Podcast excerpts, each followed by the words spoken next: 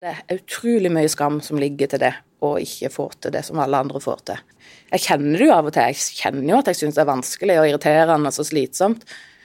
Men jeg har øvd på noen ting som ikke andre har øvd på. Og det skal jeg søren meg bruke, tenker jeg.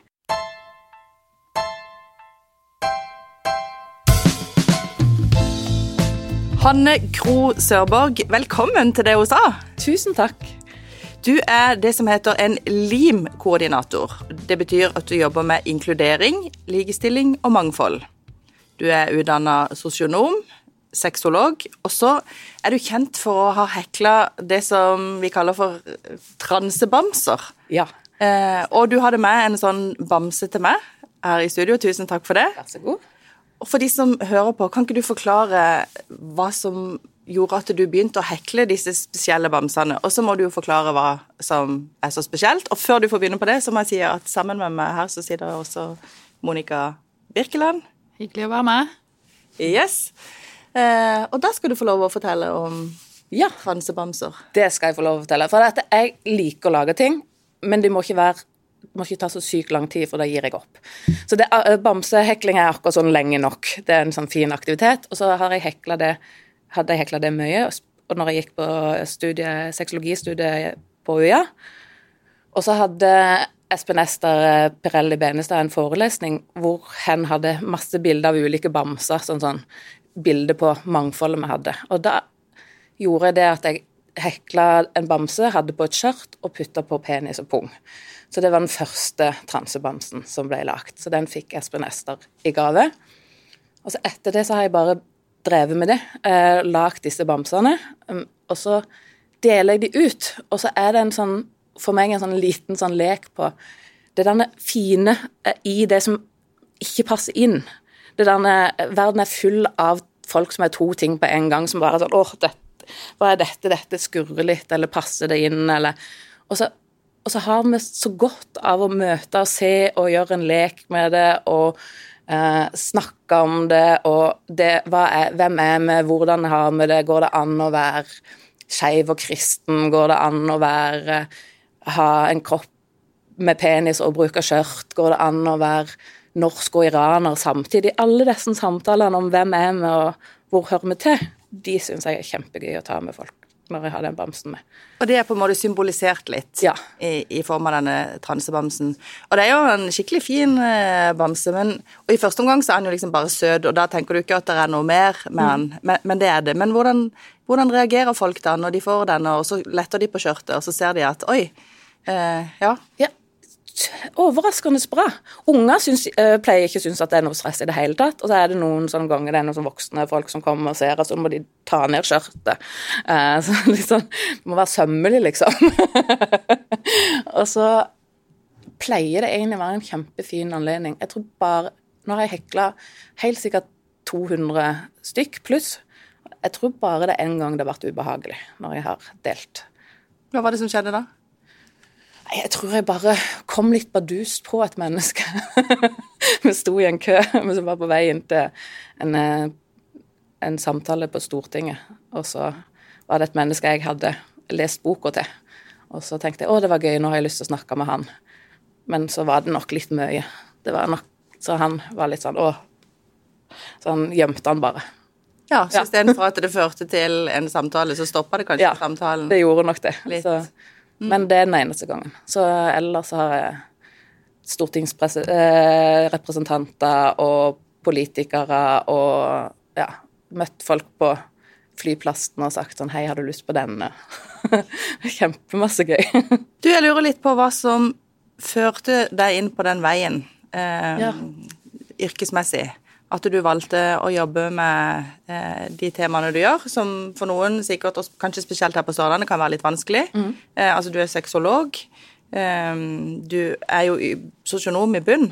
Eh, men, men hvordan ble du ført inn på den, den Ja, jeg er nok litt arvelig belasta. Jeg har eh, foreldre som har jobba helse og sosial hele livet mitt. Så mamma er spesialpedagog, og så har jeg en pappa som er eh, sosialarbeider og familieterapeut, som har jobba barnevern hele min oppvekst. Eh, og så har min far en sånn fagforeningshatt, sånn at det er en sånn stopp og nei og vent gen hos noen i min familie.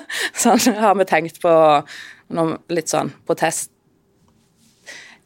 Litt sånn i kroppen eh, som protest. Og så har jeg en oppvekst med å slite på skolen og ikke passe inn. Sånn at jeg var en av de ungene som var litt sånn uh, Litt sånn utenfor, uh, fordi at jeg fikk ikke til å lære på den måten som skolen vil at vi skal lære. Uh, så det har vært en sånn innfallsvinkel. Og så har jeg vært litt sånn opptatt av at i den gjengen, i denne flokken som er litt sånn på kanten, så er det utrolig mye gøy som egentlig bør heies fram, og som vi kan løfte opp og se etter. Og hvis vi lurer på noe i samfunnet vårt, så, så er det mange svar å finne hos de som kjenner på det. Men sånn som du beskriver det nå, ja. så følte du sjøl på en utenforskap. Mm. Og etter det jeg har lest, så handler det om bl.a. om at du hadde dysleksi. Ja. Det ja, eh, og det er det jo mange som har. Ja, det er mange fine. Men så ble det etter hvert en ressurs, det at du um, sjøl hadde kjent på de følelsene? Ja, det tenker jeg, og det tenker jeg at det er litt sånn viktig. For dette, det er ikke sånn at en velger å, å ikke passe inn i norsk skoleverk. Uh, og hvis det jeg er litt sånn opptatt av at hvis det hadde vært farging, uh, farger vi hadde brukt som eksempel når vi skulle lære, så var det noen andre som hadde vært fargeblinde og som hadde slitt. Eller hvis det var musikk som var utgangspunktet, så hadde noen som er tonedøve, slitt med det. Og nå er det tekst, og det sliter jeg med. Sant? Så dette, jeg har blitt møtt og sett på, og jeg hadde en kjempefin rådgiver på eh, PP-tjenesten som var opptatt av dette, med å møte og sette dette inn i en sammenheng. Jobbe med det med skam, for det er utrolig mye skam som ligger til det å ikke få til det som alle andre får til. Jeg kjenner det jo av og til, jeg kjenner jo at jeg syns det er vanskelig og irriterende og slitsomt. Men jeg har øvd på noen ting som ikke andre har øvd på. Og det skal jeg søren meg bruke, tenker jeg. Jeg har jobba hardt der andre har sklidd igjennom. Og de har jeg ikke tenkt De studiepoengene har jeg ikke tenkt å la gå forbi. Uh, og så tenker jeg at jeg håper Skulle jeg egentlig håpet jeg hadde sluppet det, men sånn er det jo bare. Du, På Sørlandet så har vi jo dokumentasjon på at det, er, at det med utenforskap faktisk er et, et stort problem. Mm. Det gjør at vi har mange som ikke kan jobbe, folk faller utenfor, vi har mange som slutter for tidlig på skolen. Mm. Um, på hvilken måte um, bruker du deg sjøl inn i det arbeidet? Ja, og det der er jeg av og til litt redd for at jeg blir litt sånn Du vet når det, når det ligger noe veldig nært, sånn at det dukker opp følelser. Noen ganger så må jeg si til folk rundt meg at husk på at av og til så blir følelsene mine veldig sterke her. Ja, Blir det vanskelig å skille mellom det som er dine egne erfaringer, og det du Ja, eller jeg blir iallfall veldig sånn Berørt. berørt. Uh, og dette er jo noe av det jeg har jobba med. Jeg jobber med de ungdommene som skolen ikke passer for. Um, og jeg syns f.eks. at noen av de begrepene vi bruker rundt disse ungdommene er veldig stigmatiserende. Og noen av de fortellingene vi forteller, eh, er veldig smale og forteller fortellinger som gjør at folk mister litt håpet på at det går an å ha, ha det kjipt på ungdomsskolen og så få helt vanlige liv. Eh, sånn at jeg har vært litt sånn opptatt av at det der ordet som heter dropout, f.eks., det liker jeg ikke. Jeg det gir ikke en sånn Det, det er litt sånn koronafølelsen, vi må passe for den smittsomme som bare sprer seg. Og så gir det ikke folk eh, egen eiendom til egne handlinger. Sånn at eh, det å slutte på skolen, det er det mange av oss som har gjort, hvis du går rundt og sjekker. Eh, og så begynner vi igjen, f.eks., eller så gjør vi noe annet.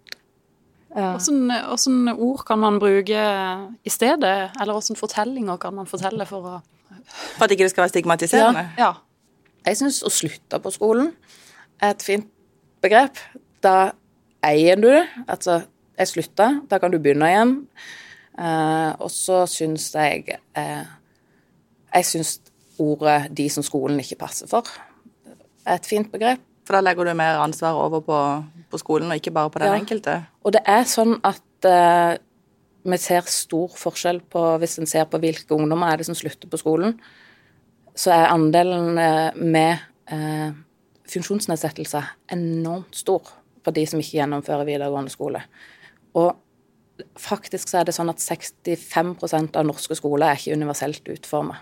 Det å gi den enkelte ansvar for det, tenker jeg er da bommer du, for da ser du ikke hva er det som går igjen. Du ser ikke at det er oss som sliter med tekst, som eh, blir dytta ut, og du ser ikke at det er de som ikke klarer å sitte stille på pulten, men som egentlig kan gjøre masse fint. Eller f.eks. de som har en kropp som ikke beveger seg sånn som de andre. Og når jeg tok påbygg på Kvadraturen for lenge siden, da var det sånn at da jobba jeg kjempehardt for å få på plass alle disse tingene. Og da gjorde jeg de tingene som var sånn vanskelig for meg. Jeg gjorde et helt år med masse norsk og engelsk og sånn noen. Og så Engelsk er veldig, veldig vanskelig fag for meg, for jeg sliter med å se ordbilder. Og akkurat som på engelsk, så er det Det er ikke sånn at du kan lage lyden, og så får du ordet. Um, så det skriftlig engelsk jeg får jeg nesten ikke til. Så jeg fikk sånn rett rundt stryk skriftlig, og så fikk jeg sånn eh, sterk femmer muntlig. Og så når du da legger de sammen, så ble det en ståkarakter. Men så eh, kom vi til siste ukene før sommerferien, og så trakk de eksamen, og så fikk jeg skriftlig eksamen engelsk. Eh, sånn helt på slutten. Og da sa rådgiverne på Kvadraturen at det er ikke sikkert du stryker, Hanne. Eh, og den følelsen av å ha jobba så hardt så lenge, og så Hvis det da hadde vært nå, så hadde jeg jo tenkt nå ble jeg drop-out siste uka. Eh, fordi at du må ha alle eksamenene på plass for å komme inn på universitetet. Eh, og så har jeg jo da vært eh, velsigna med ressurssterke foreldre på akkurat dette, så mine foreldre eh, jobba sammen med noen som hadde jobba i Elevorganisasjonen, og så fant de noen forskrifter, så søkte vi på til Utdanningsdirektoratet, så kom det, fant vi et unntak, så jeg fikk lov å ta denne muntlig. Eh, så da sto jeg. Men hadde det ikke vært for den ressursen det var i mitt hjem, så hadde ikke jeg hatt eh, papiret på videregående skole pga. det. Eh, så dette, og det å da kalle det for drop-out, syns For dette, det er så mange sånne historier. Det er ganske drøyt å putte så mange drøyt. ulike historier i en sånn samlebetegnelse. Ja. Da du fikk jobben som Lean-koordinator i Kristiansand kommune, så sa du at nå hadde du fått drømmejobben. Ja. Eh, hvilke grep er det du kan gjøre, eller hvilken, på hvilken måte kan du utgjøre en forskjell for folk ved å ha den jobben du har nå? Ja, oh, det er jo litt vanskelig. Jeg tror jo at det å snakke om ting og sette ord på det og få fokus på dette med mangfold, og ikke som en trist ting, er en viktig ting. Jeg, jeg har et, i, min, I min jobb så har jeg et mandat å jobbe ut mot folk, men også inn i tjenestene våre. Uh, inn i det vi gir som både som det som Kristiansand kommune er for, som arbeidsgiver, hvordan jobber vi som det, med 9500 ansatte. Og hvordan jobber vi eh, når vi gir tjenester, og hvordan jobber vi som en samfunnsaktør. Eh, og En by for alle er jo et av mine prosjekt, eller det er ikke det er Kristiansand kommunes prosjekt, men jeg har fått lov å overta det prosjektet, være prosjektleder for det. Kan du fortelle litt om ja, det? Her? Og det er ei felles uke som er lagt for å feire mangfoldet i Kristiansand, og for å løfte fram, sammen med lag og foreninger og tjenestene i Kristiansand, og ha fokus på mangfold og fokus på eh, å jobbe sammen og løfte opp og få fram eh, ulike stemmer og heie opp eh, ulike arrangement og tilgjengelighet og det å ha fokus på Noen år har vi hatt fokus på eh, universell utforming. Eh, I år det, har Foreningen Fri masse ulike arrangement.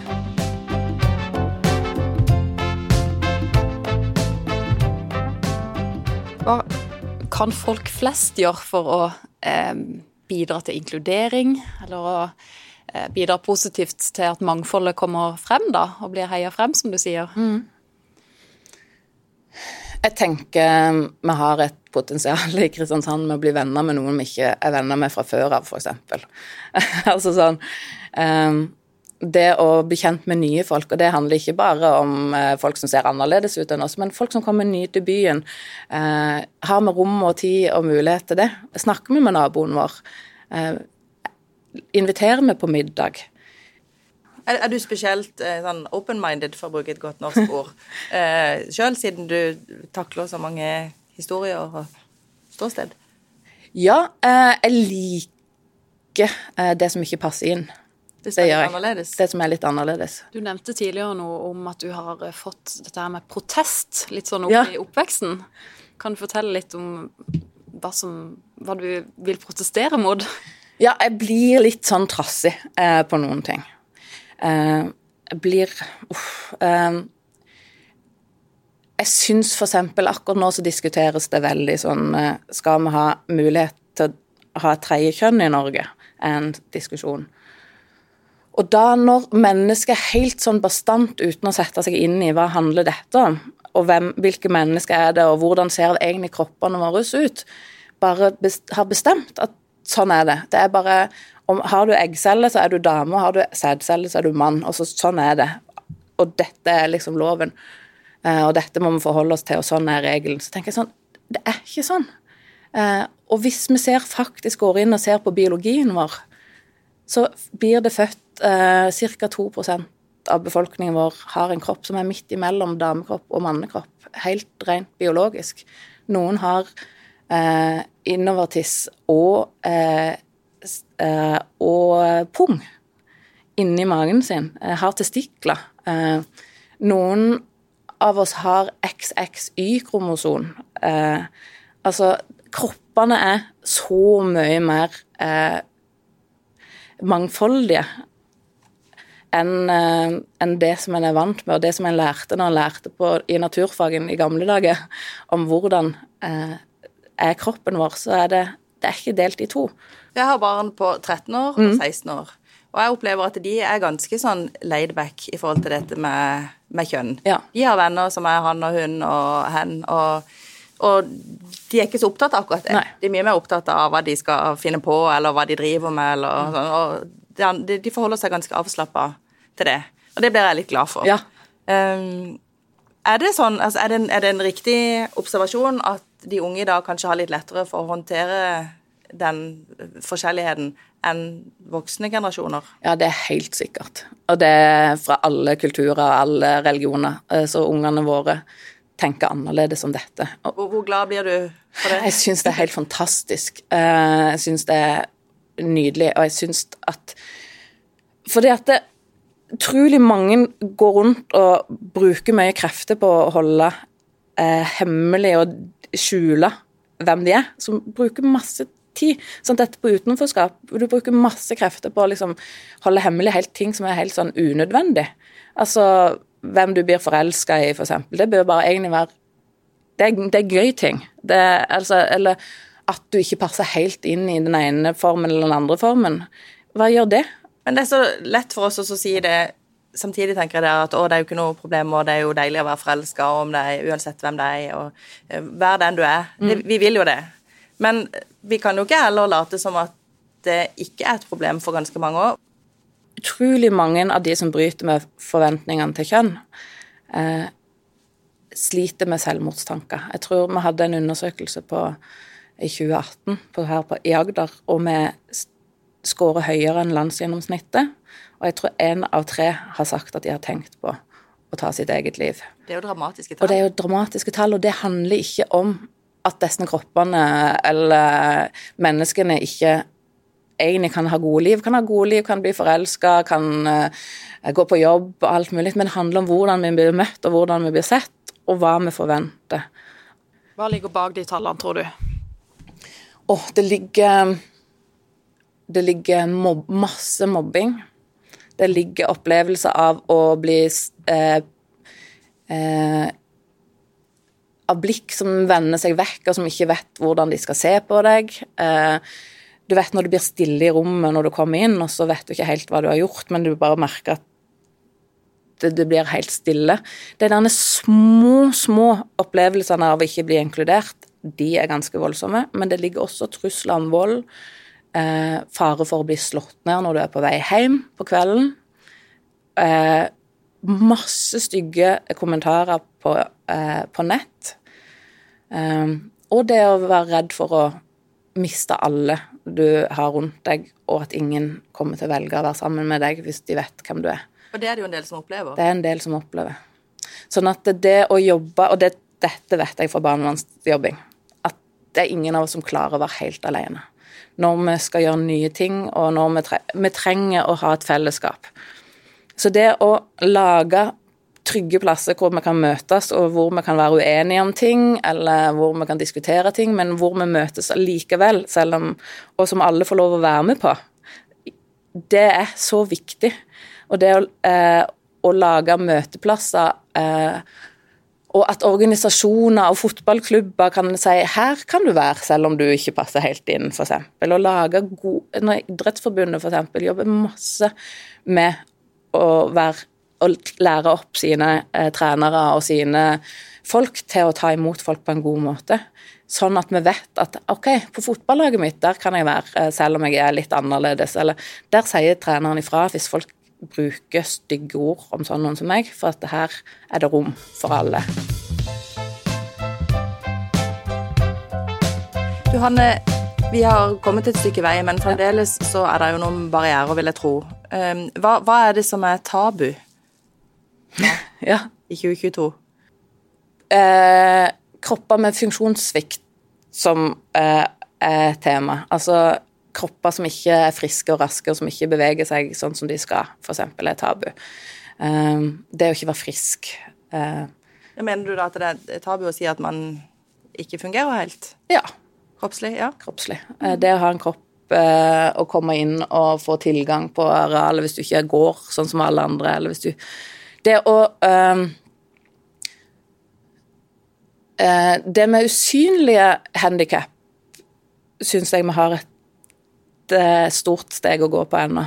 Eh, de tinga som er sånn ikke et handikap i seg sjøl, sånn som dysleksi. Det, ikke, det gjør ikke vondt eller noen ting, men du kan ikke se det? Du kan ikke se det. Eh, men, og du kan veldig godt gjemme det eh, ganske lenge, sånn som mange av oss har trent oss på det.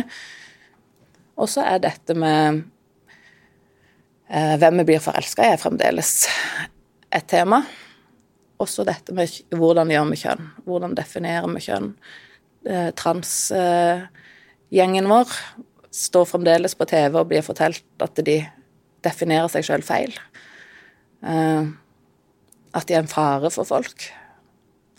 Og så har vi utfordringer knytta til å inkludere uavhengig av eh, religion og etnisitet. Men dette med tabuer og sprenge grenser ja. og sånn, i hvilken grad henger det sammen med eh, graden av religiøsitet, holdt jeg på å si. Altså, på Sørlandet har vi jo veldig mange menigheter, og mange bruker jo mye av fritida si i ulike um, kirkesamfunn. Um, det har tidligere blitt trukket frem som noe som er med på, å, hemme utviklinga på det, ja. det, vi snakker om nå, da. Um, hva, er ditt forhold til religion og, og Sørlandet? Ja, jeg er vokst opp i en pinsefamilie. Eh, sånn at eh, i mitt hjerte så er jeg utrolig glad i mange eh, pinsefolk. Men jeg kan bli ordentlig, ordentlig irritert. og eh, det jeg syns er vanskelig, er det der med at noen av disse fellesskapene er veldig sånn opptatt av eh, av at det er en eh, en enighet. At dette er en, her jobber vi for et felles mål. At dette ikke er sånn plasser hvor, hvor, vi øver oss på å komme sammen og være uenige, og så løser vi oppgaver selv om vi mener totalt forskjellige ting. Eh, for det fellesskapet er bygd på en felles opplevelse av identitet. Så hva, hva kan du ikke si da i en, en pinsemenighet? Å, det øver vi på. Nei, altså eh, det, For det som det, jeg vet ikke, Dette er kanskje fjernt hvis en ikke er vokst opp i det. For det som er i noen av disse menighetene som jeg har vokst opp i og vært en del av, så er det veldig viktig eh, Mye gjøres i kirkesammenheng. Altså du har speider i kirkesammenhengen, og så har du koret i kirkesammenhengen, og så har du eh, søndagsskolen og menighet Altså du lever egentlig ganske store livet ditt i dette her eh, fellesskapet og denne menigheten. Og hvis du da tråkker plukke litt ut forbi, så får du ikke tilgang på å bli ungdomsleder eller kordirigent eller sant? Så da blir du Hele ditt fellesskap så blir du marginalisert. Eh, og det Det er en utfordring der som som mange av oss opplever som slitsomt på kroppen. Iallfall for de av oss som ikke klarer å holde kjeft så mye. Eh, det som jeg tenker er viktig for Kristiansand, er at vi trenger å heie fram ulike aktører og ulike eh, Heie fram fotballen og ha altså, Han har mange ulike plasser å gå, og mange folk som jobber. Vi skal ikke skal ikke si at folk ikke skal få lov å gå i menigheten, men det er veldig fint hvis vi òg kan gå på Røde Kors, eller at vi kan gjøre eh, ting i, som foreldre på skolen for våre felles barn. Ja, det, det, men da snakker ja. du om alternativene. Ja. Men hvis du da er en del av en menighet og har lyst til å, å, fortsette å, å, være det, er det noen måter å flytte grenser på der, eller utfordre på, som faktisk virker, tror du? For det er jo, De har jo hatt en del historier i blant annet, om, om, folk som forteller om den smerten det egentlig har vært å stå frem som den de er, som homofil eller lesbiske eller trans for den saks skyld, og som ikke lenger har følt seg velkommen. Mm. Det, det, er ganske vondt. Det er kjempevondt. Så kan man gjøre noe for å de skal bli inkludert i det fellesskapet? Ja, jeg tror det. Eh, men jeg tror det tar tid. Og så tror jeg at en trenger en venn eh, i tillegg, når en står i det. Eh, og det er sånn at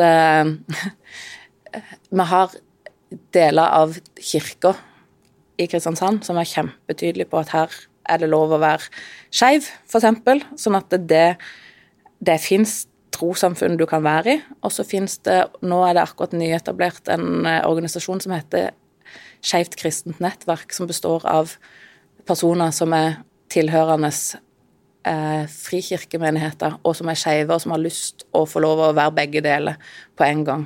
Og det å ha noen andre å være sint og lei og trist sammen med, og det å, å komme sammen og gjøre gode ting, det tror jeg en trenger hvis en har lyst å gjøre en forskjell. Så da kan jo, om ikke, om ikke annet, så kan man prøve å være den, være den vennen. Ja, og så kan en lage det fellesskapet. Mm. Sant? Eh, og så er det sånn at ting forandrer seg. Og um, nå i 2021 så kom det ei bok av den første eh, teologen fra pinsemenigheten som snakka om det å være skeiv og eh, forbli eh, kristen-konservativ. Så det, det, skjer noen ting. Det bare tar litt lengre tid, og det røkker opp. Men når det kommer noen sånne fortellinger som kommer til å gjøre ting annerledes, og nå er det sikkert noen som blir irritert på meg der. Men dette betyr i alle fall at du kommer ikke til å bli arbeidsledig med det første på noen områder, vil jeg tro, så lenge det handler om inkludering og, og mangfold og retten til å være seg sjøl med alt det Mm. alt det innebærer. Ja. Veldig spennende å høre når du forteller. Jeg tenker at vi kanskje skal begynne å komme over på de faste poster. Ja. Nå har vi jo snakka mye om, eh, om, den jobben du har i dag. Ja. Men eh, hvis du skulle gjort noe helt annet, eh, hva kunne det vært? Åh, oh, jeg hadde lyst til å gjort noe kreativt. Jeg begynte i min ungdom på en fotografutdannelse. Jeg tenker at jeg tror ikke jeg hadde blitt veldig rik, men jeg tror jeg hadde syntes det var gøy. har du noen ting som du nerder ordentlig på? Og jeg har alltid masse ting jeg nerder ordentlig på, og det varierer. Eh, en gang en sommer så leste jeg alle mamma sine bøker om aspergers, og var helt eh, Som er en eh, da en diagnose, eller var en diagnose som handler om autisme. Og dette her med hva er det som gjør at noen mennesker ikke får med seg sosialt samspill. Det er kjempespennende. Så det nerder jeg på en hel sommer. er det noe du er aller best i verden på? Nei, det er jeg ikke. Men uh, Litt best i verden? Litt best i verden. Uh, det må i hvert fall være det der med å strikke i sånn Ja, akkurat de bamsene, de uh, tror jeg kanskje de, er den eneste som gjør. Så da, hvis det er verdensmesterskap, så er det meg. er det noe du angrer på? Å oh ja, det hadde jeg ikke forberedt meg på. Og nå kommer det masse sånne ting som jeg tenker det må jeg ikke si, for da kommer jeg til å angre enda mer. uh, uh, en gang uh, så skulle jeg dele et bilde med noen jeg var veldig glad i. og så bomma jeg på hvor jeg, hvor jeg la det ut. Så det kom på eh, storyen på Facebook istedenfor inn i en privatmelding.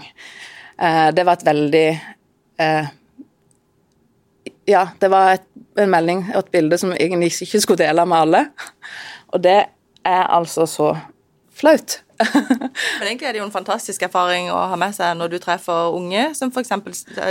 går i bar av og til på sånne ting. Ja, og det er ikke sånn eh, Det var ikke noe verre enn det jeg kunne leve med i etterkant og eh, sånt, men det er denne opplevelsen av å da skulle ha foredrag foran 200 av sine nærmeste kollegaer dagen etterpå, og lure på hvor mange har sett det hvor, mange, hvor fort ble jeg kvitt uh, et bilde som ikke som var intimt. Så det er den følelsen da når du oppdager det, at du har lagt ut det bildet tilgjengelig for alle vennene dine? ja, det var alle vennene mine, alle tusen vennene. Um, jo, det er ordentlig, ordentlig i magen flaut. og så hadde jeg noen veldig fine ungdommer som jeg traff, som sa sånn Det, det er ikke farlig, Hanne. Det har alle gjort. så bra. Det er jo litt sånn du skal si til, til ja. de når du snakker med dem om det seinere. Mm -hmm. Helt til slutt, har du lyst til å fremsnakke ei dame som har betydd noe, eller betyr mye for deg? Ja, det har jeg. Jeg har en kollega som jeg har jobba masse med, som jeg jobber eh, og har lært utfattelig mye av. Hun heter Lene Mordal. Og hun eh, har vært et forbilde knytta til dette med eh, feminisme. Vi krangler masse om det. og likestilling. Eh, hun har vært Eh, en foregangsperson og har jobba masse i forhold til det å lage samfunnet tilgjengelig for alle, og eh, mot vold mot kvinner. Og nå jobber hun eh, for å fremme ungdommer sin stemme eh, og gi ungdommer mulighet til å snakke for seg sjøl. Det er kjempegøy. Og jeg lærer alltid masse alene. Så jeg har lyst til å skryte alene Lene Mordal. Det var en bra fremsnakk. Hanne Kro Sørborg, tusen takk for at du ville komme til Fedrelandsvennen og det hun sa. Du har lytta til Fedrelandsvennens podkast Det hun sa med Birgitte Klekken. Har du tips til andre bra damer vi bør snakke med, eller har du lyst til å dele inspirerende erfaringer fra ditt arbeidsliv? Ta kontakt på dethosa1fn.no.